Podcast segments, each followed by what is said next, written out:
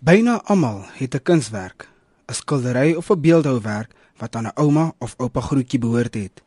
Iets wat in jou besit is, nie omdat jy besluit het nie, maar omdat jy dit geërf het. Al sit dit in jou motorhuis of hang op jou sitkamermuur, weet nie baie mense wat die waarde van al hierdie oorgelewerde skatte is nie. 'n Kenner verbonde aan die kunshandelaar sê hulle het die Suid-Afrikaanse stede besoek om kunswerke gratis te waardeer sodat eienaars bemagtig kan wees oor die meesterstukke wat onder hulle neuse sit. Maybe the picture that Granny left you, maybe it is that hidden Irma Stern or that fantastic PNF, and particularly those two artists who've done incredibly well in the South African market. And there's some wonderful stories about people who have inherited things or have bought something at an antique shop and have been looking after it and enjoying it, but don't really know the value. And then they suddenly discover that actually, wow, they're sitting on something that is quite valuable.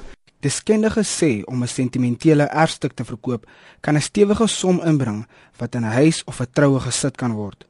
Goodman verduidelik hoe kunststukke waardeer word. Say you take an artist like Irma Stern, she had a particular period where she's got her better works, and so if it's a piece that falls in those dates, that can help with the value of it.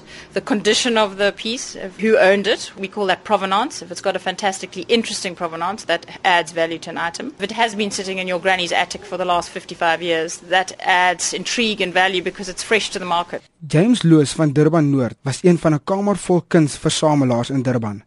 Hy het waterverfskilderye van sy ouma grootjie geërf. Hy sê hy sal liewer die stukke verkoop om geld te maak wat hy vir sy kinders kan belê. Yes, as an investment, because if you hang on to, especially watercolors in our climate, they will deteriorate and it's no longer an investment. If they enjoy the art, then it's lovely to have in your house. But if it's not quite what you enjoy, then it's better to get rid of it because sometimes you inherit stuff that your parents or your grandparents enjoyed, but not quite your taste. I'd rather get the money now. Yes, it's a simple process. As long as you come to a so-called expert, important thing is to, to put a reserve on the painting because you don't want to give it away for two rand. And then someone then resells it for a couple of thousand. So you don't want to get caught like that.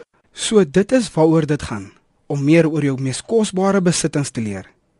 Wie weet, dalk kan die verkoop van een ding wat in jou motorhuis sit, miskien 'n afbetaling op jou familie se huis wees.